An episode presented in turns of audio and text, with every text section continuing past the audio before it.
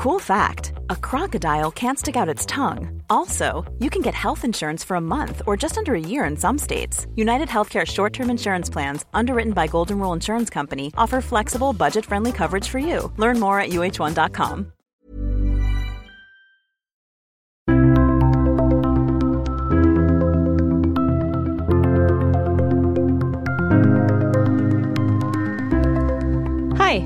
mitt navn er Marie Bringsli, og nå skal du få høre en helt spesiell episode av podkasten Det vi lever av. Denne episoden er nemlig spilt inn live på skipet Polar Queen, og episoden handler om havvind. Og med det setter jeg over til meg sjøl. Og med meg i dag til å snakke litt om havvind, så har vi jo eh, eieren sjøl av skipet. Pål Christian Ryber, som er styreleder i GC Ryber Shipping. Og så har vi Lars Henrik eh, Pårup Mikkelsen, som er daglig leder i Norsk Klimastiftelse. Velkommen til dere. Takk for det. Tusen takk. Veldig kjekt at dere har lyst til å være med og snakke litt om havvind.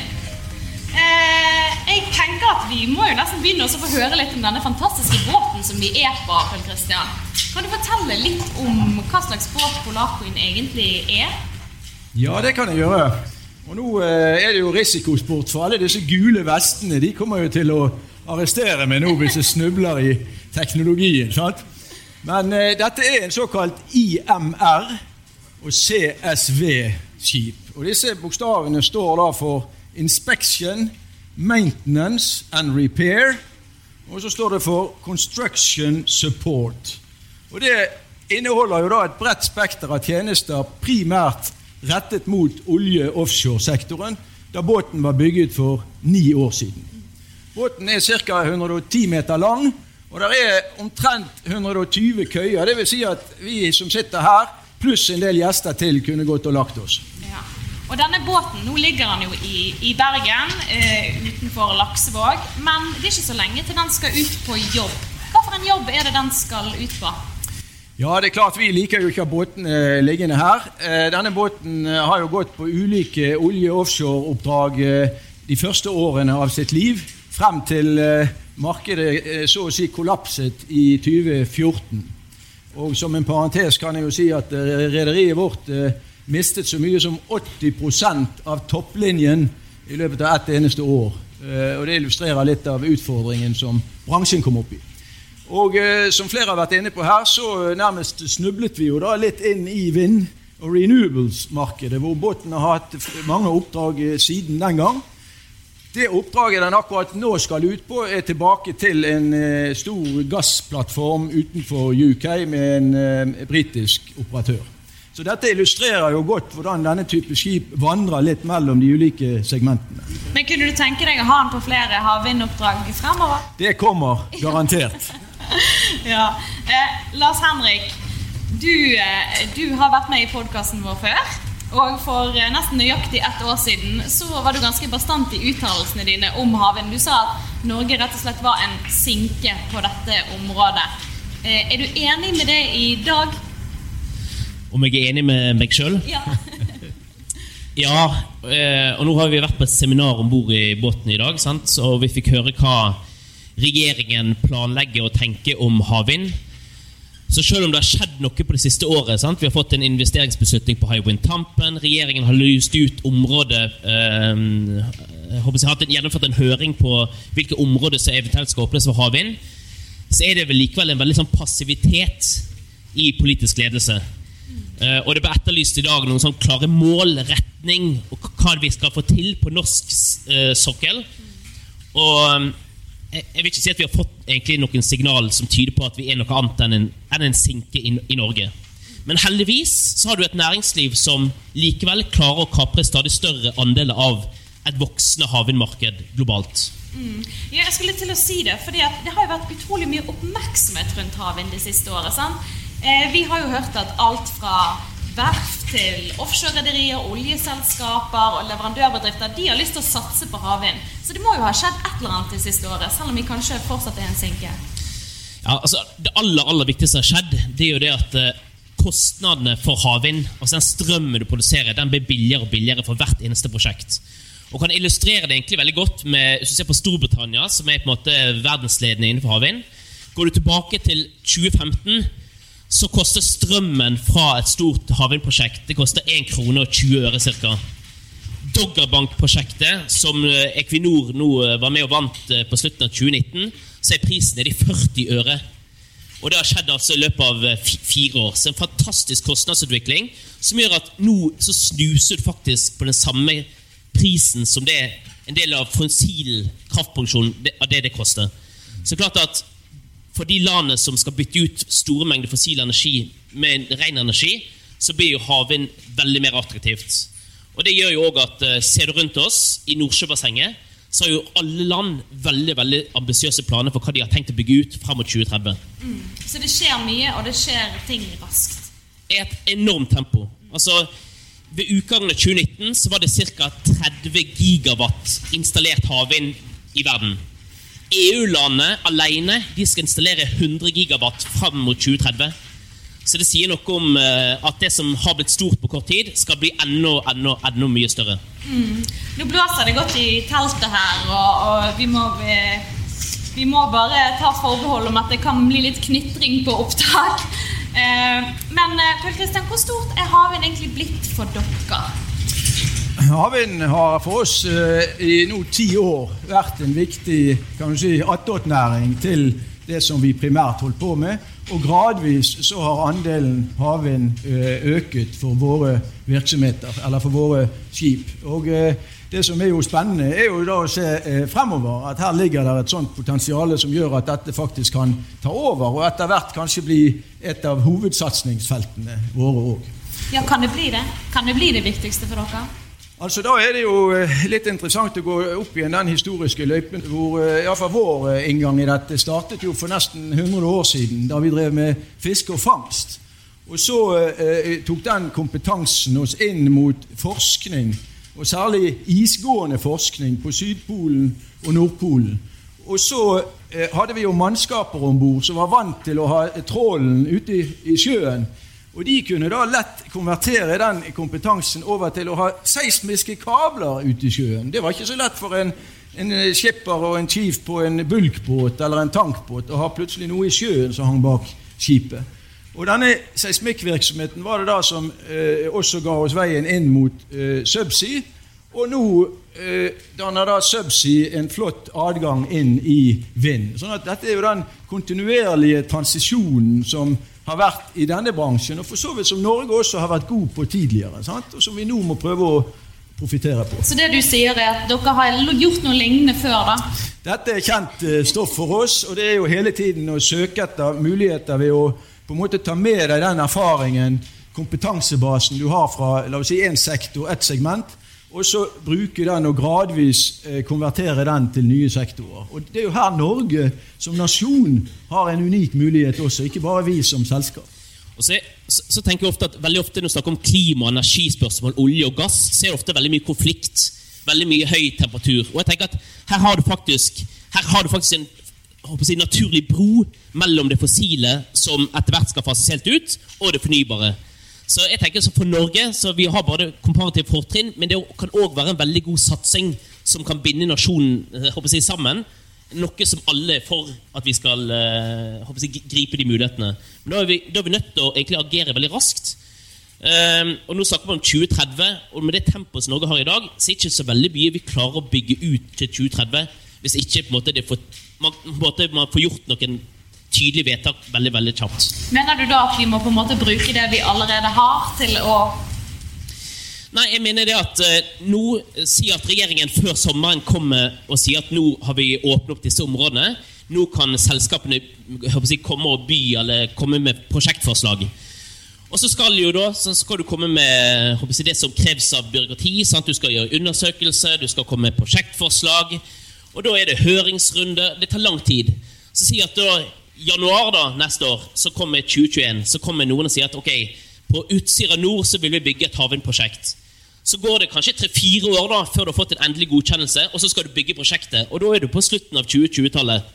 Så poenget er at hvis vi skal bygge noe opp og få volum, så kan vi ikke, vi kan ikke vende et, vende et, vente en, enda et år og liksom diskutere hva har skjedd. Vi må på en måte få gjort noen vedtak og bestemme oss veldig veldig kjapt. Vi må komme i gang, altså. Rett og slett. Mm, er du enig i det?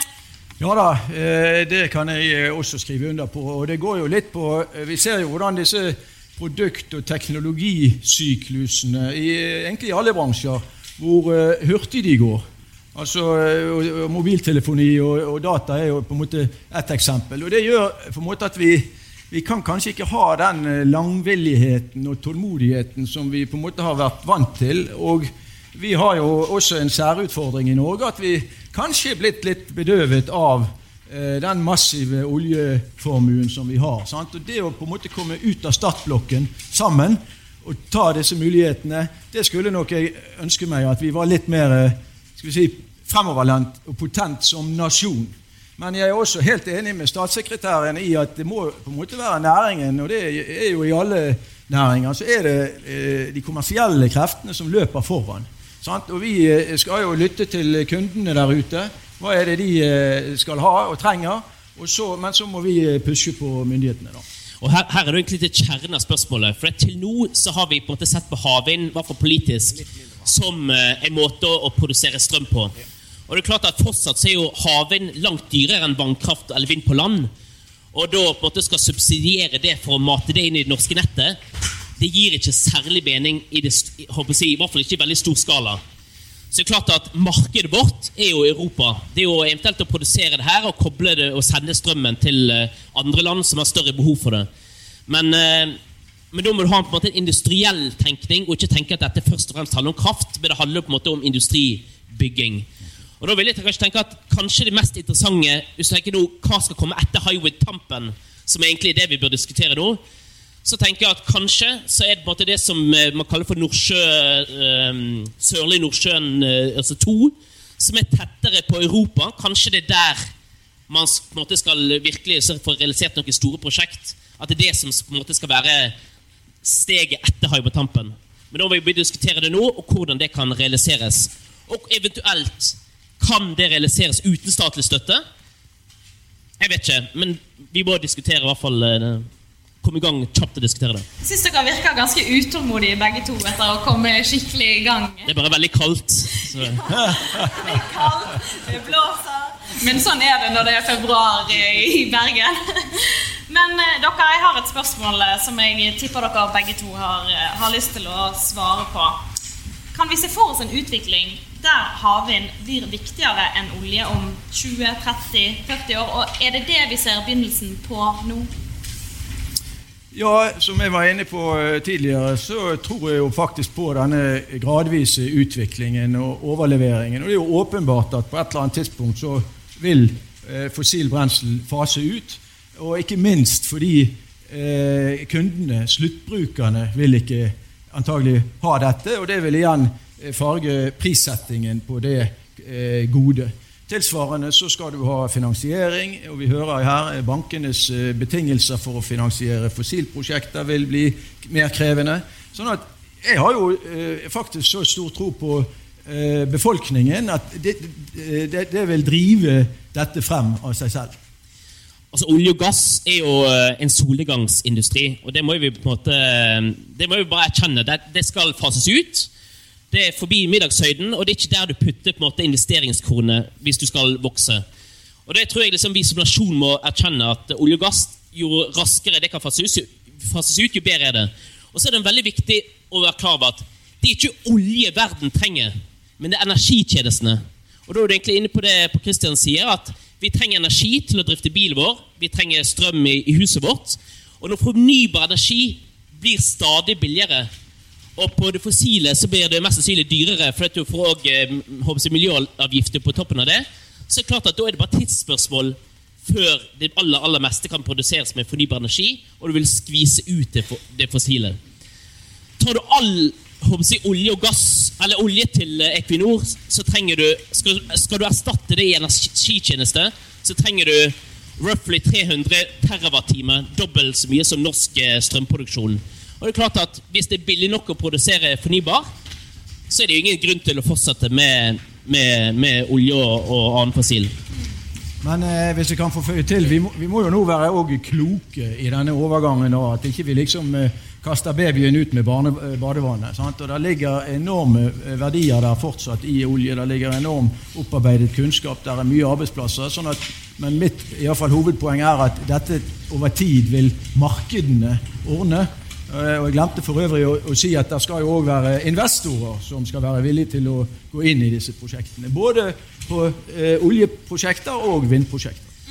Og Det synes jeg er utrolig interessant å legge merke til han fra DNB som sier da at for offshorerederiene så vil jeg anbefale å, å, å, på en måte ta ut fornybarporteføljen og plassere den i egne selskap, fordi at det er langt mer attraktivt for en investor å spytte i pengene enn om du sauser det sammen med det fossile. Mm. Dere, eh, nå er vi jo på en båt. Eh, eller nei, vi er på et skip. Beklager. Eh, og da tenker jeg at Vi må snakke litt om mulighetene for rederiene innen, innen havvind. For eh, som eh, mange vet, så var jo offshorerederiene blant de som var absolutt aller hardest rammet av eh, oljekrisen. Og mange av offshorerederiene ligger jo fortsatt med brukket rygg. Eh, det er masse skip i opplag, og nå har jo aktiviteten begynt å ta seg litt opp igjen, men ratene er fortsatt lave. Eh, Pål Kristian, tror du at havvind kan være en redning for eh, offshorerederiene? Ja, eller Først ville jeg ha snudd litt på det og sagt at offshorerederiene ble jo på en måte en redning for vindindustrien i starten. fordi at ved dette oljefallet så ble det altså liggende en, en flåte av topp moderne skip som vindindustrien plutselig fikk tilgang til, til en slikk og en ingenting. Og Det er jo en flying start som enhver bransje kunne ønske seg. Eh, og Så er det jo håp om da at over tid så vil dette jevne seg ut. og slik at da altså eh, flere, eh, Det blir også bygget flere spesialbygde skip mot vind.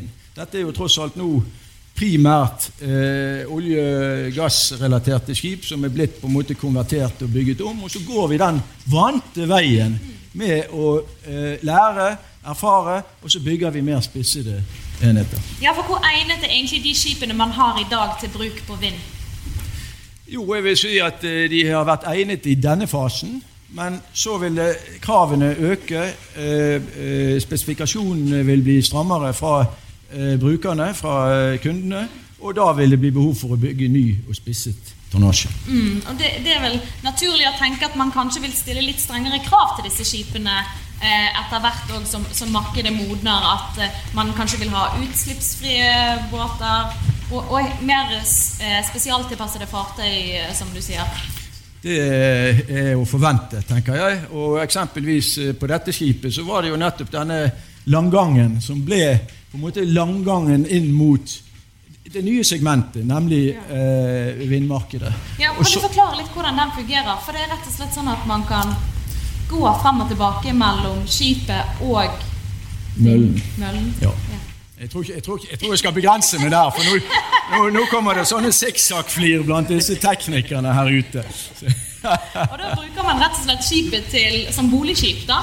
Det, det, er jo hele poenget. Ja. Og som vi har vært inne på før på dette seminaret, på landjorden, landbaserte møller der kan jo folk bo på hoteller og de kan bo hjemme. mens her må du simpelthen ha både en boligplattform og en arbeidsplattform og en verktøysplattform. Mm. Kjempefint. Du, Helt til slutt så har jeg bare ett spørsmål til deg, eh, Pål Kristian. Har du noen eh, nye skip eh, på tegneblokken? Noen nye havvindskip? Vi har alltid noe i skuffen. Uh, innenfor de ulike segmentene vi er i. Og, så vet dere det at det, er to lykkelige dager i en skipsreders liv. Og Det er den dagen han kontraherer et skip, og den dagen han selger skipet. Og innimellom der så er det mye bekymringer og svette og mageskinn. Og Derfor så ser jeg virkelig frem til eh, noen lykkelige dager nå, for nå er det lenge siden vi har eh, kontrahert. Og eh, Håpet er jo at vi i løpet av eh, inneværende år kan liksom komme tettere inn på de spesifikasjonene som kreves i denne bransjen. Altså Jeg tolket det da nå som at du både skal selge og kjøpe, men jeg vet ikke om det er kanskje litt eh... Ja, men eh, det er som sagt Vi må først, eh, vi må først bygge før vi kan selge. Så vi gleder oss til det. Og, og, det er jo nettopp da det å komme inn mot de mer spekkete skipene, de mer spisse spesifikasjonene, det er jo det som også er spennende for organisasjonen å jobbe med. I, i forhold til å jobbe med eldre tonnasje. Og nå eh, har det gått eh, lang tid i Norge, egentlig. Og, og se nå bare på verftsindustrien, hvordan den ligger òg. Eh, det har gått lang tid mellom eh, det punktet hvor det siste båten ble designet, og den neste nye som kommer. Sånn at Det blir veldig spennende å se på det teknologiske løftet som er kommet i alle de årene. Ja, Så nå venter vi i spenning da til disse Det gjør jeg òg. Ja. Den er god.